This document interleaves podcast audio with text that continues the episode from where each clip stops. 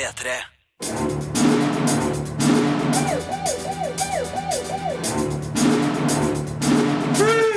Filmpolitiet!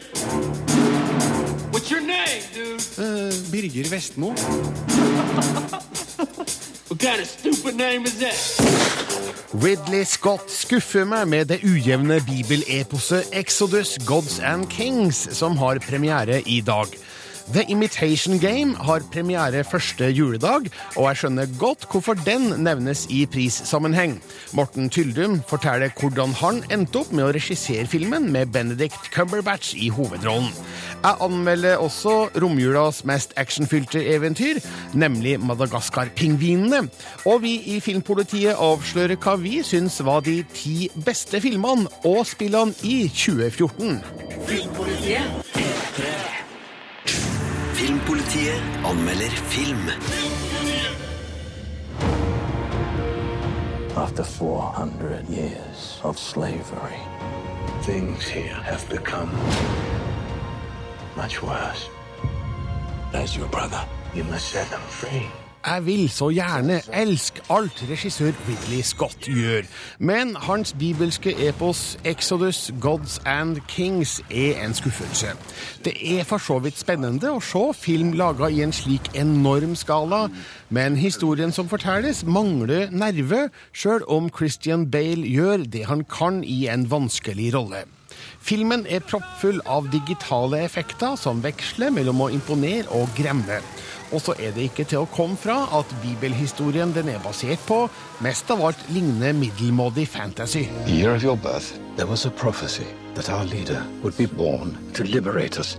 Det her er altså historien om Moses og hvordan han frigjorde israelittene fra fangenskap i Egypt og la ut på vandring mot det lovede landet. Her finner vi både den brennende busken, bibelske plager og sjøen som deler seg, men manuset tar seg nok flere friheter i forhold til kildematerialet.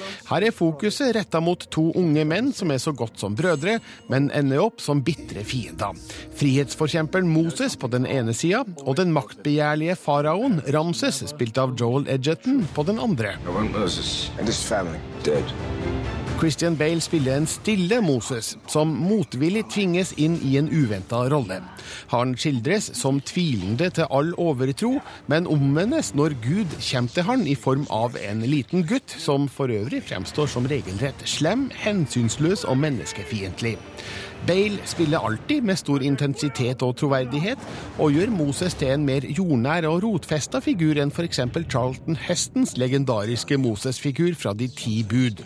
Jeg syns at òg Joel Edgerton gjør en fin rolle som Ramses, som effektivt skildrer faraoens maktbegjær. I am a god. I am a god! Ikke alle skuespillerne er like overbevisende. Det er umulig å ta John Turturro seriøst som den gamle faraoen. Aaron Paul er bortkasta som Josva, og så måtte jeg bare le når Ewan Bremner, spødd fra Trainspotting, dukka opp som egyptisk medisinmann med skotsk aksent. Kvinnerollene, som pleier å være sterke i Ridley Scotts filmer, er usedvanlig svake denne gangen. Både Moses og Ramses gifter seg med vakre kvinner som aldri blir annet enn veggpryd, mens Scotts alien-heltinne Sigourney Weaver spiller en rolle som bare forsvinner. So you're not his sister then? Of course not.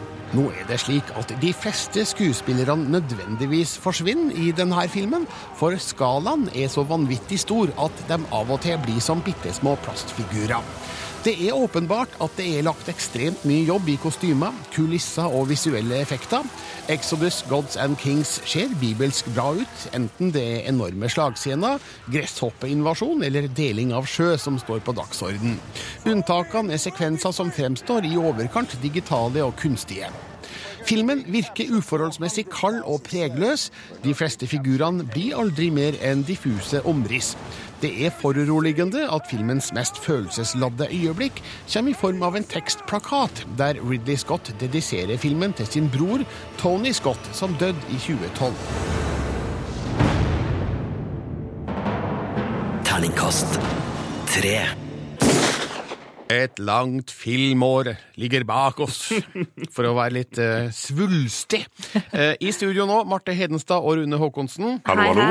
Og vi skal se litt tilbake på året som har gått, eh, og filmene vi har sett. For det har vært utrolig mye bra når vi, når vi liksom ramser opp alle filmene som har fått de beste karakterene hos oss. Eh, Riktignok bare to terningkast seks, og det er jo fordi at det er en veldig høythengende karakter. Mm. Resten av filmene på årets toppliste har jo fått terningkast fem, som det har blitt eh, veldig mange av det året her til gjengjeld, da. Ja, det, det har det. Eh, Da jeg satte opp denne lista sammen med dere, så slo det meg at eh, ja, The Wolf of Wall Street, det var i år, det. Det føles som at det var fem år siden. Det er jo ikke fem år siden, da, men eh, en god stund siden i hvert fall. Og så føles det føles i hvert fall ut som det var i fjor, siden de, det er mange filmer som kom i januar som var med på Oscar-racet sist. ikke sant? Og da Ja. føles det som fjorårets, men de kom jo i år, og derfor må jo mange av de med, da. Vi skal nå gå kort gjennom eh, plass ti til fire, og etterpå skal vi gå litt nærmere inn på topp tre-lista vår. På tiendeplass, der finner vi en film eh, som eh, jeg ikke har sett, men det har dere to, Rune og Marte, nemlig fortellingen om prinsesse Kaguya. Hvorfor er dette topp ti, Marte? Eh, man kunne nesten putta den på topp ti ene og alene pga. animasjonen er så vanvittig bra. Det er Isao Takahata som har laget den for Studio Ghibli. Og det er mange som kjenner han som mannen bak Grave of the Firefly, som er en vanvittig god eh, animasjonsfilm. Og vanvittig trist film, så Ja. dette er en fyr som vet å spille på, på, på de store strengene i følelsesregisteret. Eh, Og, og med på en måte den stilen som han har valgt i eh, fortellingen om Prisse eh, Kaguya, så, så blir man også sveipa inn i denne på en måte japanske animasjonens store følelsesverk. Og det, det er noe som løfter denne historien om en liten prinsesse, bambusprinsesse, opp til et, en av årets aller beste filmopplevelser. Mm, Topp ti altså på den. Og på niendeplass Dallas Buyers Club, som jo Matthew McConaughey vant en velfortjent Oscar-pris for, og også Jared Leto i eh, den mannlige birollen. En film er rosa for pågående driv, eh, mørk humor og sterkt skuespill, og det er vel skuespillet vi husker aller best fra denne filmen? Virkelig. Absolutt. Det her var jo en filmen som virkelig satt Matthew McConaughey eh, på kartet sammen med True Detective som en skikkelig god karakterskuespiller. Eh, Og den Altså transformasjonen, Transformasjonen, hans fra skjorteløs helt til karakterskuespiller var komplett med Dallas Buyers Ja. Han har knekka en kode her, men det jeg er litt spent på, det er hvor lenge holder den stilen hans? Fordi nå, nå spiller han den litt sånn slepne Texas-figuren Ja. i flere sammenhenger her, både i Dallas Buyers Club, i True Detective og også til en viss grad i Interstellar. Jeg, jeg, jeg, jeg må si meg enig i det, så det blir spennende å se hvor lenge han, han klarer å flyte på den der. All right, all right, all right. altså, vel, vi får se, men vi liker Matthew McConaughey, og 2014 har virkelig vært hans år. På åttendeplass, Edge of Tomorrow. Yes! Altså, Hvorfor liker ikke flere folk den? Ja, det skjønner ikke jeg heller. Det er jo en skikkelig underholdende film. Altså, Jeg digga den, jeg. rett og slett. Tom Cruise har, jeg har hatt en liten torn i sida på han, eller han har hatt det på meg en god stund nå. Men med Edge of Tomorrow så var det virkelig action og moro og, og høyoktan i førersetet med en drivende Tom Cruise, men, som jeg syns funka veldig bra. Men altså. Rune, den torn i sida, i sida det, det handler om utenfor cinematiske ja, ting. Ja, men, men det har nok påvirka måten jeg har sett på han som skuespiller. Det må jeg innrømme. Ja. Men med Edge of Tomorrow, jeg storkosa meg. Eh, Basert da på en, japan, på en eh, japanskinspirert tegneserie som egentlig het All You Need Is Kill. Jeg lurer nok på om jeg syns at Edge of Tomorrow var et bedre navn likevel, altså. Ja, Topp science fiction, veldig godt gjennomført av regissør Doug Lyman, og en soleklar eh, åttendeplass på vår eh, topp ti-liste. På sjuendeplass, ja, den har vi faktisk allerede nevnt, da. The Wolf of Wall Street. Martin Scorseses ah. film med Leonardo DiCaprio i en eh, til tider hysterisk morsom hovedrolle. Hysterisk morsom. Altså, når vi snakker om at han klarte å kjøre bilen sin helt fint hjem. Det gikk så fint! og vi får da et tilbakeblikk på hva han kaller det. CP Stage eller et eller annet sånt. Noe. Vet du, Jeg holdt på å daue. Jeg holdt på å ramle ut av kinosetet. Altså en ekstremt underholdende film om en eh, Wall Street ja, Skal vi kalle den dealer? Eller Ja, børshai? DiCaprio er i hvert fall karismatisk psykopatisk, liker jeg gjerne å si om den eh, rollefiguren. Ja, et rikt persongalleri, mitraljø- mitraljøse dialog, bytung miljøskildring og et eklektisk soundtrack har jeg skrevet om den filmen. Eh, Så det var virkelig en eh, opplevelse å få med seg i året som gikk. På sjetteplass, kanskje listas søteste film, nemlig The Grand Budapest Hotel av Wes Anderson.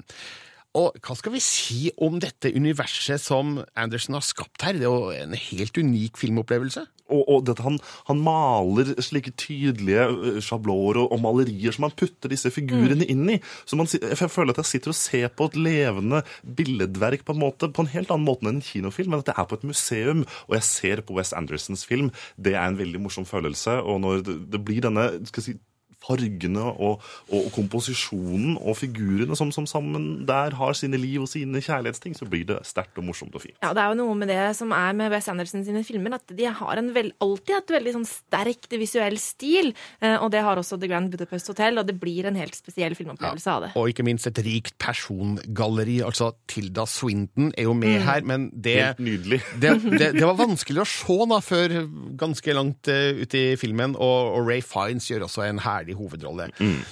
På femteplass, Turist. Svensk film, Ruben Østlund som Litt norsk, regissør, da. Litt men norsk. litt norsk, med, med Lisa Loven Kongsli og Kristoffer Hivju i henholdsvis eh, rasende god hovedrolle og en eh, imponerende morsom birolle. Og dette er jo en film jeg mener eh, utforsker høyst relevante sider ved den moderne mannsrollen, og det høres utrolig tørt ut. Ja, Men, men, men det, er jo, det er jo sant. Satt i kontekst av et, øh, en ferie som går litt øh, ikke helt som man planlegger. ja, det er ikke sant at det er tørt. Men, nei, nei, men altså, det første du sa, altså. Det Ja. første du sa. Ja, og det, jeg, sy jeg syns det her er rasende morsomt, det. Og det er kanskje noe med den skandinaviske humoren, altså. Men måten man, eh, man utforsker disse figurene på, og problemstillinger som, som dukker opp, det er, det er gjort med veldig sorthumoristisk eh, pensel. Går det an å si det? Sorthumoristisk pensel. hørtes veldig fint ut. Ja, Virkemidler, eventuelt. Av Ruben Østlund. Jeg, jeg storkoste meg og, og følte meg truffet opptil flere ganger her. Det som er interessant, er jo at filmen også har dukka opp på veldig mange internasjonale topplister fra, fra profilerte anmeldere i USA og England som en av klodens beste filmer i 2014. Så at, eh, sånn sett er jo øh, de enige med oss, øh, med andre ord. Ja, Marte, du sier ingenting? Vet du hva, jeg, jeg holder tyst, fordi jeg må innrømme at jeg har ikke sett Du har noe å glede deg til. Ja. Du, du som er Kristoffer Hivju-fan. Ja, det er litt flaut. Vel, Jeg har noe å glede meg til. som men du har, du har sett filmen vi har satt opp på fjerdeplass, Det har jeg. Interstellar. Mm. Eh, var det en annen film vi gleder oss mer til i år enn Interstellar? Nei, jeg har Nei, klart å holde det tror jeg ikke. Jeg klarte å holde meg unna trailere, omtale, så jeg kunne gå på kino og bare kaste meg inn i Ja, Christopher Nolans univers, ingenting. bokstavelig talt. Jeg visste ingenting om hva det handlet om på forhånd, og det var en fin opplevelse å bare kunne ha, starte der med helt ja. blanke ark. Det er på all måte en stor opplevelse. Jeg har et par sånne høner å plukke med manuset her, men jeg vet ikke hvor viktig det egentlig er i den sammenhengen her, for maken til stor filmdrøm. Akkurat det. Den skalaen fra det lille mennesket til det store universet, det klarer han å fange i Interstellar. Og, og, og vi har jo diskutert filmen mye innad også, men den, den, den befester seg som en av de store kinoopplevelsene i år. Akkurat det, og det jeg synes at hvis du skal hvis, Det er jo veldig, veldig vanskelig, men hvis du skal velge bare én film som du må se på kino, på stort kinolerret i år, så er det Interstellar, mener jeg. For altså. den er stor, ja. Mm. Den er stor. Den har kvaliteter på kino eller rette som jeg er litt redd for går tapt på Mm. TV-skjermen hjemme i stua. Så uh, her eh, må man uh, gå på kino hvis den fremdeles går der man bor, og få med seg Interstellar, som vi mener var årets fjerde beste film. Og nå skal vi opp på topp tre. Skulle nesten hatt en sånn høytidelig fanfare på det. På tredjeplass, mine damer og herrer, Guardians of the fuckings Nei, Galaxy. det er ikke lov! Det er ikke lov, Å jo da, det er så lov når det gjelder Guardians of the Galaxy. For en film! For en fest! Beklager, beklager at jeg banna, det var uncalled for. Men for en film. Ja, greit, For en film. Altså, men den tok, den tok meg eh, veldig på senga, nær sagt. Jeg ble veldig overraska over hvor bra den var, fordi her hadde jeg ingen forventninger. Ja, samme her. Eh, Og jeg tror noe av det som gjorde at den her ble så rå, var mye av lydsporet. Kanskje det. Det var et herlig soundtrack. Så, så, som ga en stemning da, til filmen som ble bygd opp av skuespillerne, som klarte å kombinere action og uh, moro på en veldig veldig god måte, som gjorde at det ble en underholdende, morsom, fargerik uh, science fiction-eventyr, rett og slett. La oss høre litt av eh, anmeldelsen jeg laga da filmen hadde premiere. We arrested these five on Xandar. Check out the rap sheets. Guardians of the Galaxy er ikke blant Marvels mest kjente tegneserieunivers, men introduseres på film med en herlig miks av heftig sci-fi-action, småfrekk humor og en overhengende eventyrfølelse. Det er riktignok svært mye som skal introduseres for oss, og det er litt i overkant trangt mellom plotpoengene. Men regissør James Gunn, som òg har skrevet manuset sammen med Nicole Perlman, sørger for at underholdningsevnen er imponerende. They call themselves the Guardians of the Galaxy. Ja, sånn var det, og terningkast eh, fem, den var i hvert fall klinkende klar. Og så må vi jo si at Dette var jo den store gjennombruddsrollen for Chris Pratt som verdensstjerne. Ja. Eh, Nå er han på vei inn i, rollen, inn hovedrollen i den nye Jurassic World-filmen, og jeg tror nok at vi kommer til å se mye av den fyren rundt omkring i de mest populære rollene framover. Han er veldig, veldig kul. Eh, Og jeg må bare si at Guardians of the Galaxy har blitt en så stor favoritt hos meg. Jeg har sett den så mange ganger etter at den kom ut på Blu-ray. Og det er bare veldig kort tid siden, Marte. Ja, det var i starten av desember. Så den eh, har jeg sett opp til flere flere ganger. For det er jo det er så gøyalt. Det er en Så bra. skikkelig god miks av eh, humor, action, spenning, eh, effekter, og den musikken, ikke minst. Så her har regissør James Gunn og Marvel truffet blink. Den er altså nummer tre på vår liste over årets beste filmer. På andreplass en due satt på en gren og funderte over tilværelsen. Eh, ikke bare årets mest fantastiske filmtittel, eh, men eh, også eh, en av årets mest fantastiske filmer. Den har ingen av dere sett? Nei, men jeg ser for meg at den er i andre enden av skalaen for Guardians of the Galaxy. Definitivt i andre delen av skalaen, men den kan oppfattes som veldig sær og smal, men jeg vil tro at alle som går og ser den, får en uforglemmelig opplevelse. Her er litt av min anmeldelse fra premieren på den. får gå til doktoren, hører Det her er ikke normalt. Regissør Roy Andersson er et geni. Hans trilogi om det å være menneske starta med klassikeren Sanger fra andre etasje i 2000, fortsatt med Du levende i 2007, og kulminerer nå med en film som er like fantastisk, vittig, absurd og underlig som dens tittel indikerer. En due satt på en gren og funderte over tilværelsen. Her formidler Andersson vår eksistens i både mørke og lyse stunder, i en overraskende morsom film som er full av sjel, varme og menneskelighet. Det her er en av årets største opplevelser på kino. Når jeg en sier, så sier du emot. Det gjør jeg ikke alls.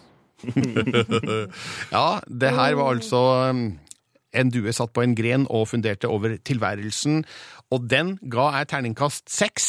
En særdeles høythengende karakter, som jo indikerer hva jeg syns om den.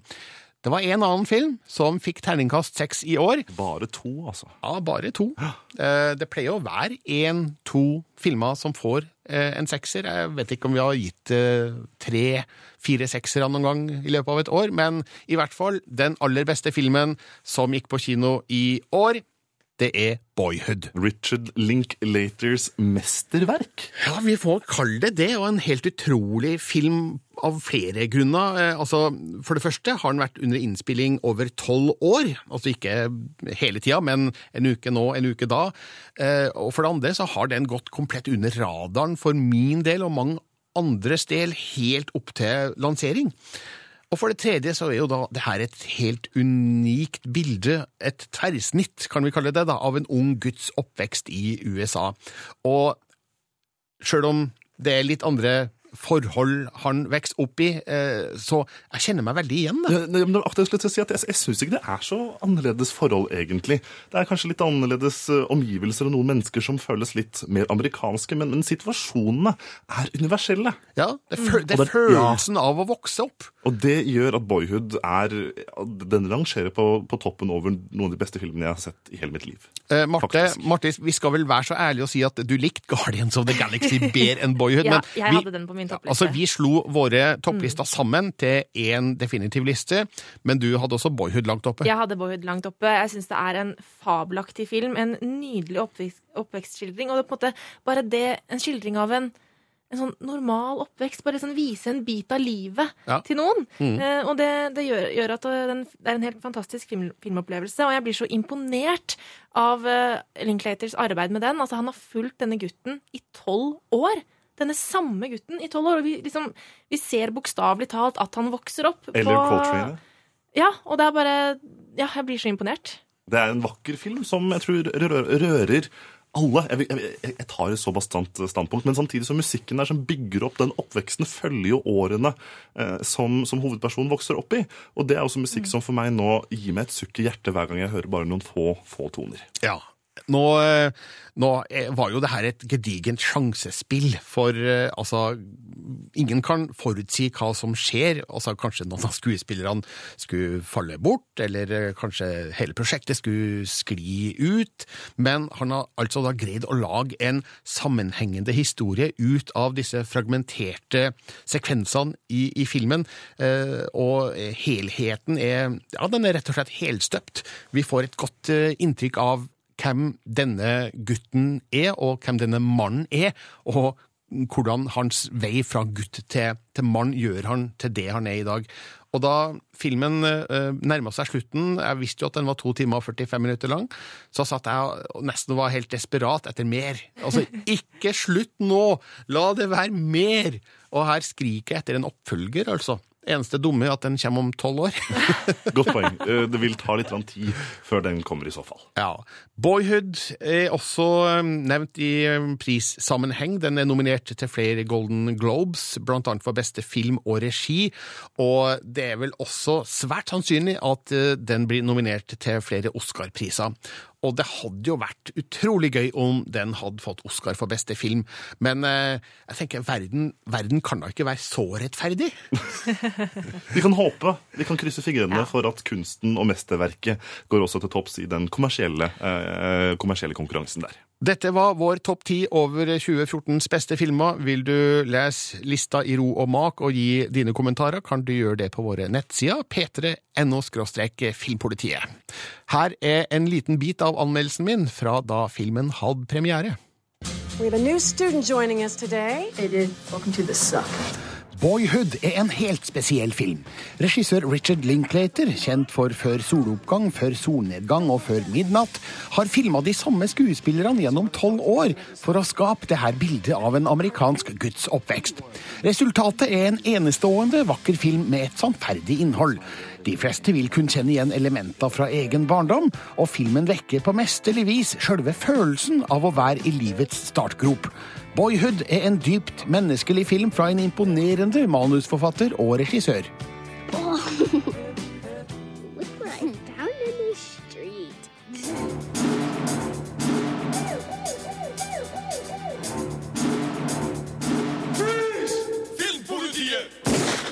Om litt under en uke er det første juledag. Da har ni filmer premiere. En av dem har en norsk regissør. Her er dommen over The Imitation Game. Filmpolitiet anmelder film.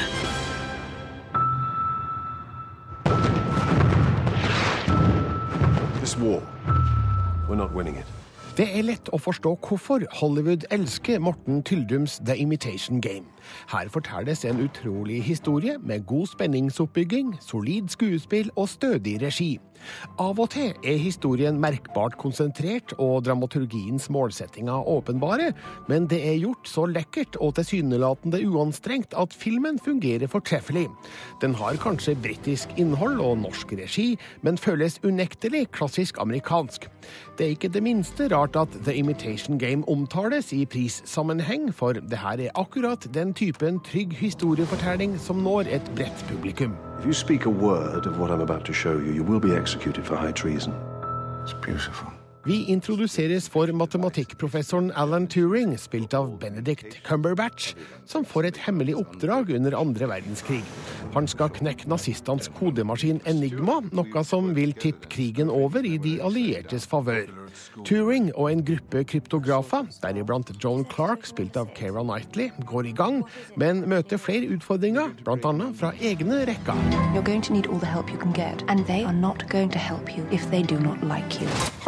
har en smart og effektiv oppbygging, der noe i utgangspunktet så kjedelig som kodeknekking forklares på en enkel og forståelig måte. Det føles aldri for teknisk eller komplisert. Manuset lar oss ane omfanget av arbeidet, men tyr klokelig ikke til overforklaringer. Vi får vite nøyaktig det vi trenger å vite, mens fokuset ligger på personlighetene og deres kamp på både det indre og ytre plan. What if I don't fancy her in that way? Can't tell anyone, Owen. It's illegal. En viktig del av historien omhandler Alan Turings seksuelle legning. Homofili var nemlig forbudt i England, og filmen innledes med et forhør etter at Turing anholdes for såkalt uanstendig atferd. Grepet med å la Turing fortelle en politietterforsker sin historie virker kanskje som en smule konstruert situasjon, men det gir Tylde muligheten til å gi publikum en kortfatta innføring i både Turings personlige utfordringer samt hans viktige bidrag under andre verdenskrig. I'm designing a machine that will allow us to break every message, every day, instantly. Benedict Cumberbatch spiller gnistrende godt i hovedrollen med en presis og konsentrert formidling av Turings eksentriske personlighet, på godt og vondt. Keira Knightley, Matthew Good, Charles Dance og Mark Strong er gode i andreroller, som er med på å gi filmen tyngde og en følelse av sikkerhet. Jeg tror virkelig på historien som blir fortalt, sjøl når den dramatiserer faktiske hendelser i svært beleilig rekkefølge. Men slik må det kanskje bli når mange års historie skal økonomiseres ned til to underholdende timer på kino.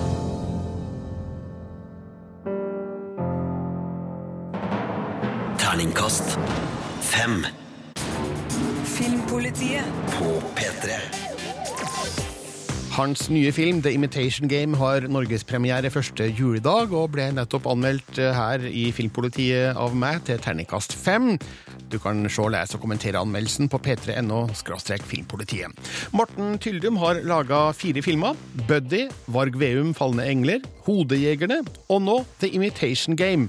Han har altså tatt steg fra den norske til den eh, internasjonale scenen. Jeg har møtt Tyldum, og han fortalte da hvordan han fikk eh, jobben med å regissere The Imitation Game med Benedict Cumberbatch i hovedrollen. Altså, vi, vi eh, dro jo til LA for å lage en film som het Bastille med Ben Affleck i hovedrollen. Og så skjedde Argo, og, og eh, plutselig så kom hele hans Oscar-kampanje, og han kunne ikke gjøre det og trakk seg for prosjektet, og det falt i grus. Og så begynte jeg å se til alt det andre. Var Pga. Hodejegerne så hadde jeg fått en haug med action-thrillers og heist-filmer og superheltfilmer og diverse, diverse. Og så sendte han min altså, Det er en film her som et manus bare må lese. Og jeg ble helt bergtatt øh, og forelsket etter å ha toalettet på det. Det var en, som en liten film, egentlig. utgangspunktet. Det var en, en indie-produksjon. Kun 15 millioner dollar. Uh, mye mindre budsjett enn noen av de andre uh, filmene jeg var knyttet til. Og, og, men det føltes så rett og viktig, og uh, er, for meg så er det en film om en hyllest til de som er annerledes. Hyllest til de som ikke er normale, som de som skiller seg ut, til de som tenker nytt. Og ble bare en veldig viktig film å gjøre. Og nå viser det seg det at det å satse på kanskje den minste filmen med det minste budsjettet, eh, var det helt rette. Og det, de fleste filmer bare forsvinner i mengden her. Hvordan fikk du da Benedict Cumberbatch i den i hermetegn lille filmen din? Uh, Benedict kjente til historien, elsket manuset. Uh, var den første jeg tenkte på. Uh, og han var ganske ukjent i USA på den tiden. Altså, dette er ikke mer enn halvannet år siden. Uh, og det var før Star Trek og før liksom Sherlock ble stor i USA. så, så han hadde lest det manuset, ville veldig gjerne gjøre det, så vi hadde en Skype. Uh, han var kjempefyllesyk, for han hadde vært på uh, Golden Globe. Og uh, jeg var i Cape Town holdt på med en reklamefilm, så jeg hadde dårlig internett. Og men vi fant ut at dette her hadde vi lyst til å gjøre. Så han ble med. og Det har egentlig vært en helt sånn fantastisk prosjekt. For denne lille filmen det, jeg fikk liksom, Nesten alle jeg spurte, sa ja til å være med. Kira ville være med. jeg trengte en klipper. Eh, og spurte Billy Goldenberg, som nettopp hadde vunnet Oscar for Argo og eh, Zero Dark 30 var den hotteste klipperen i Hollywood. Og ja, denne filmen vil jeg gjøre. og jeg kan betale en tredjedel av honoraret. Ja, men det vil jeg gjøre. Uh, Alexander Splat, seks ganger Oscar-komponist, kanskje den beste komponisten jeg vet om. Uh, så jeg har ikke tid. Og så sendte han manus og sånne ting. Å, oh, det her må jeg være med på. Jeg gjør tid og, og? Gjorde den for nesten ingenting øh, og lagde helt fantastisk musikk. Så jeg har vært utrolig privilegert ved at jeg har fått disse liksom, fantastiske kunstnerne som har vært Alle trukket seg til dette prosjektet og har lyst til å være med på denne lille filmen. Her handler det om The Imitation Game, som har norgespremiere første juledag. Den er regissert av Morten Tyldum, som eh, med det her har gått fra den eh, lille norske filmbransjen til den store amerikanske i Hollywood. Han forteller her om sitt møte med den eh, største delen av verdens filmmiljø. Det som faktisk overrasker meg, er det at de flinkeste i Hollywood, det er mennesker som elsker film. Som det de vil aller mest, det er å jobbe med film som betyr noe. Uh, og det opplevde jeg med, nettopp med Imitation Game, hvor som var et lite budsjett. Altså, I Hollywood så er det miniatyrbudsjett, 15 millioner dollar. Men alle disse som egentlig tar seg så mye betalt, med en gang de føler at dette her altså Deres lidenskap for film og det å være med på en film som betyr noe, satt, altså, blir de viktigste. Og da merker du egentlig hvor hvorfor, eh, altså, hvor vi blir så glad i Hollywood, egentlig, er fordi at de, er, vi, har truffet så mye bra folk som, som, eh, er veldig flinke, og som brenner for film, kanskje mer enn noen annen jeg har møtt. Altså, bare han som skulle gjøre etterarbeid, altså koloristen, han satt midt imellom uh, Star Wars uh, med JJ og uh, Transformer med Michael Bay, som måtte gjøre ferdig. Og så kommer vi da den bitte lille filmen vår, og skal grade, og så bare sier han å, jeg elsker den filmen, denne vil jeg gjøre. Uh, Steve som er legendarisk uh, color timer. Og uh, bare vil gjøre vår film, liksom. Og setter da Star Wars og Transformer 4 på vent for å gjøre vår film ferdig. Og det er litt sånn da tenker jeg at hva, det er, dette stedet er faktisk fullt med Ja, det finnes mye, mye rart. Det lages mye dårlig og mye Men det fins også alle de som er genuine filmelskere og ikke vil noe annet enn å jobbe på film som de liker. Men Harvey Weinstein da, han er jo kjent for å være en brutal jævel. Produsenten din. Harvey er, er så passionate og øh, holder ikke tilbake for noen ting. Men han elsker film. Han øh, står for øh, kvalitetsfilm, syns jeg. Og, og vi har vært veldig heldige. Han er 100 bak denne filmen. Og, og, vi har ikke hatt noen konflikter eh, med uh, etterarbeid å gjøre filmen ferdig. Og nå har vi hele apparatet her. og det er, det er veldig betryggende for oss å bli tatt så godt vare på som vi blir av Weinstein Company. Det er mer enn Harvey. Harvey er gallionfiguren. Og så er det liksom en hær av andre som jobber under, som er fantastiske. Så, så jeg har bare positivt å si om det. Men med den posisjonen du er i ferd med å opparbeide deg nå, er det slik at du nå kan velge og vrake? Ja, til en viss grad. Så eh, nå, nå, er, nå er, det mange nå er, jeg, nå er, jeg, i en veldig heldig situasjon. Uh, og det er på en måte altså, som, uh, som management sa, nå må jeg være mye flinkere til å si nei. For det er mye interessante manner. Vi har en norsk høflighet, og noen er interessert i å lage noe med oss. Så tenker vi ja, ja, men det var hyggelig. Da må vi prøve å være litt positive. Så vi sier liksom ja, kanskje det, og det skal jeg se litt på, og sånne ting. Så nå sier han nei, du har ikke lov å si kanskje. For da, nå tar de det som et tegn på det, og da plutselig så kommer det ut. Nå må du si nei, nei, nei, nei, og så ja til slutt, om du virkelig vil det. Så øh, den liksom norske øh, litt sånn liksom det tøffelighet. Vi setter pris på det at ja, men her, de, de, vil at jeg skal lage film for dem, så da må jeg vise litt interesse tilbake. Den har jeg fått streng beskjed om å slutte med, om ikke jeg virkelig brenner for det. Det sa Morten Tyldum om sine erfaringer fra Hollywood, der han nå et hett navn etter The Imitation Game. Den har altså premiere første juledag. Les min anmeldelse til terningkast fem på p3.no Filmpolitiet. P3. Her har jeg fått inn Marte og Rune igjen. Eh, vi må snakke om en sjuk, sjuk ting som har skjedd denne uka med filmen eh, The Interview, som skulle hatt USA-premiere nå, men eh, den ble altså trukket på grunn av en av de mest alvorlige og omfattende datainnbruddene i moderne historie. Ja, Jeg skulle til å si nordkoreanske hackere her. Nå, men, men, det vet vi jo ikke. Nei. Man vet ikke det. Det var sånn at Sony eh, ble hacka. Stor stil. Filmer, persondata, interne e-postkommunikasjoner osv. ble lekka, inkludert som var noe som ble strålet av The Interview, en film som eh, er en komedie laget av, Joe, av Seth Rogan og James Franco om eh, at de skal ta livet av den nordkoreanske diktatoren. Og det eh, har nå blitt rett og slett en, en liten farse i Hollywood. La oss bare høre litt hvordan uh, handlinga forklares i traileren. Hello, who this? This is the Secretary of Communication for North Korea. Our Supreme Leader Kim Jong un is interested in doing an interview with Dave Skylark. Oh my god. We will meet 50 kilometers west of Dangdong, northeastern China. Did you just say China? And did you just say dong? Three weeks from tonight, I will be traveling to Pyongyang, North Korea to interview President Kim Jong un. Mr. Rappaport, I'm Agent Lacey with Central Intelligence. You two are going to be in a room alone with Kim, and the CIA would love it if you could take him out. Hmm? Take him out. For coffee? Dinner. For kimchi? No, uh, take him out. You want us to kill the leader of North Korea? Yes. det høres ganske teit ut. Det høres så veldig morsomt ut. Ja, traileren ser jo ut som at dette kan være en eh, dum, morsom komedie. Og de få anmeldelsene som faktisk har kommet før filmen ble trukket helt av Sony, eh, understreker vel kanskje poenget at det er en ganske dum, men litt morsom komedie. Ja. Nå er mange sinte og irriterte og fortørna over det som har skjedd, for eh, nå lar man altså hackere bestemme eh, hva slags innhold vi skal få på kino. Ja, for Saken er jo at hackerne krevde at filmen skulle bli trukket fra eh, kinodistribusjon. Og én etter én så valgte amerikanske kinokjeder å, å, å rett og slett ikke vise filmen. Det førte at Sony da ikke hadde noe sted å vise filmen til slutt, som lønte seg, og har dermed nå litt overraskende bestemt seg for å, å, å trekke den helt. For et alternativ var jo å slippe den på såkalt strømming, og, og at man kunne kjøpe den. Ja, hadde, ikke, hadde ikke det vært en bedre idé, Marte? Jo, det hadde vært en kjempegod idé å, å lagt den ut direkte på DVD.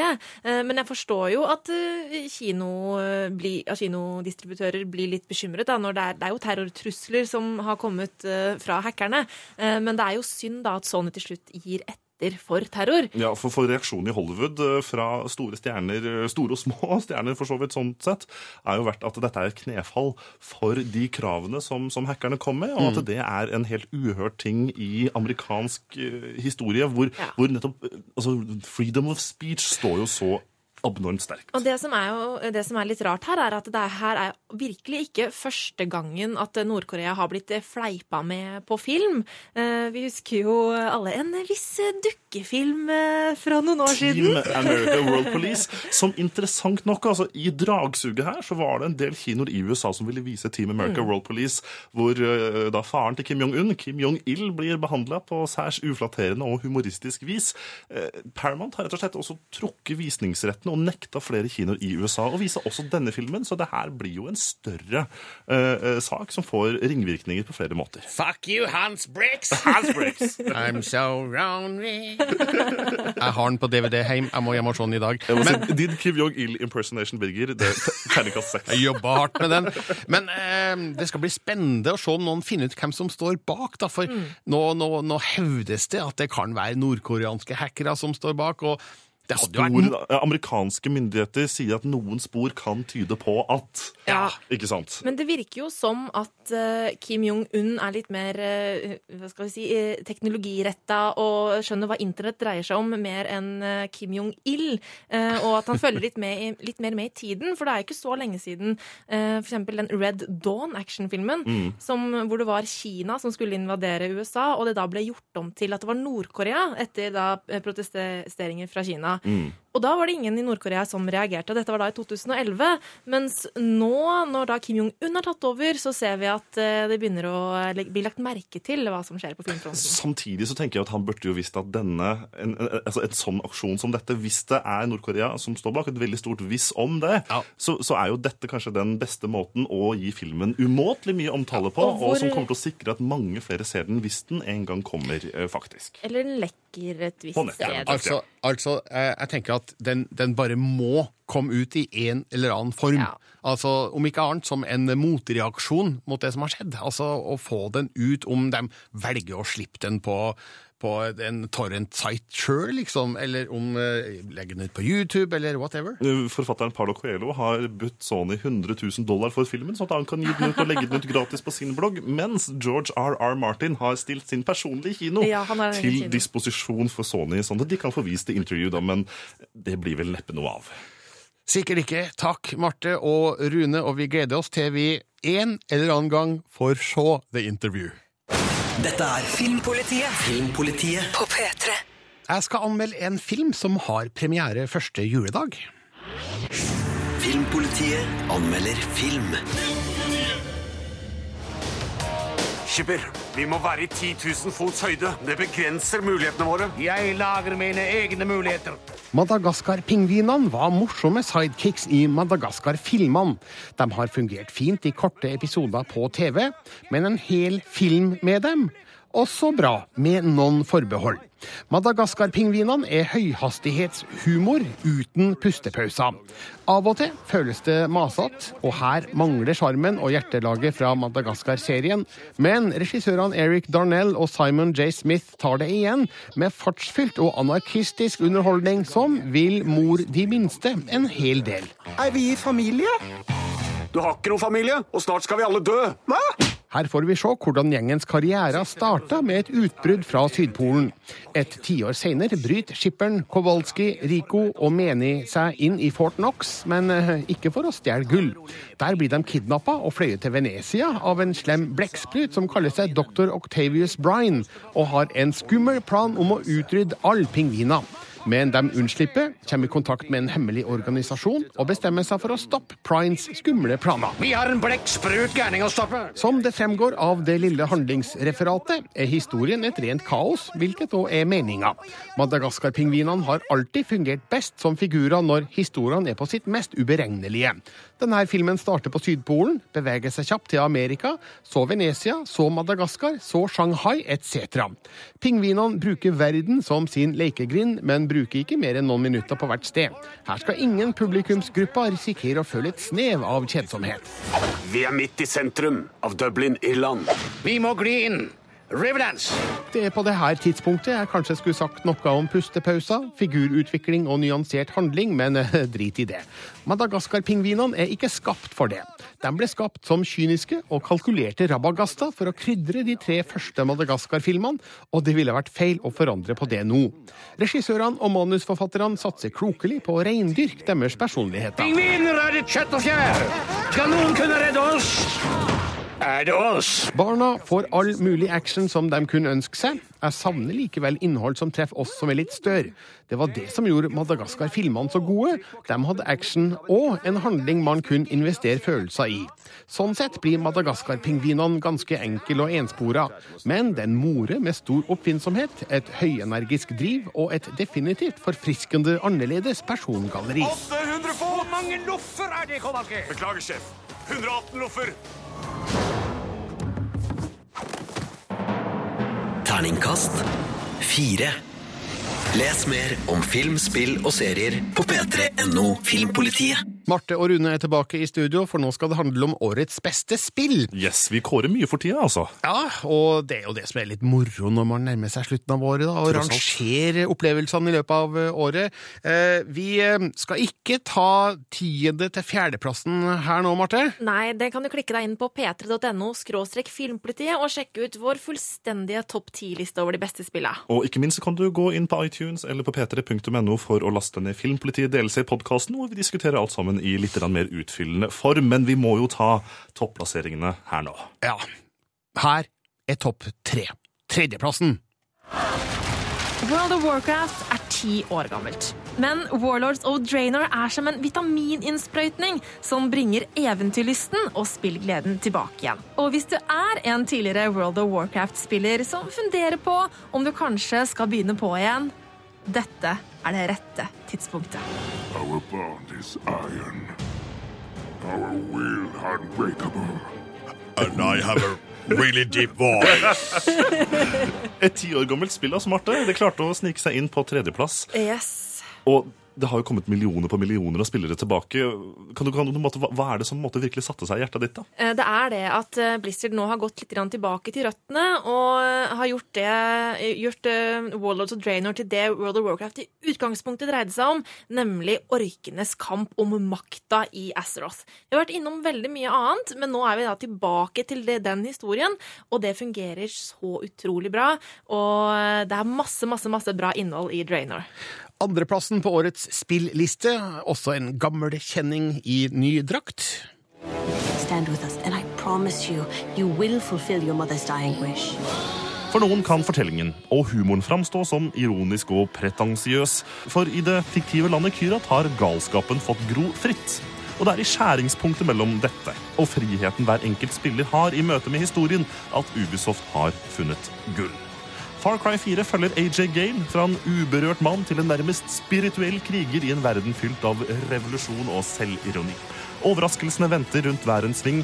Om du vil oppsøke dem, er opp til deg selv. People of Kirat, who do you cheer for?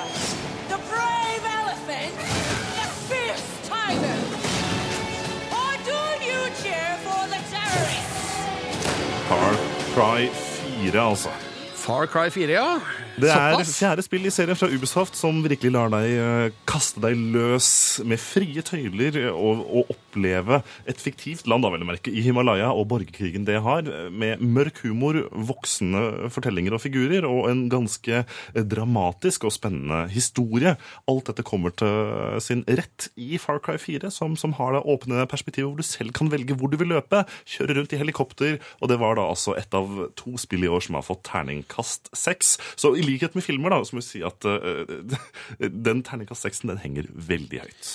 Og den, uh, den som innehar førsteplassen over årets spill, fra Filmpolitiets synspunkt i hvert fall, har vel ikke særlig mye historie, men fikk likevel terningkast seks.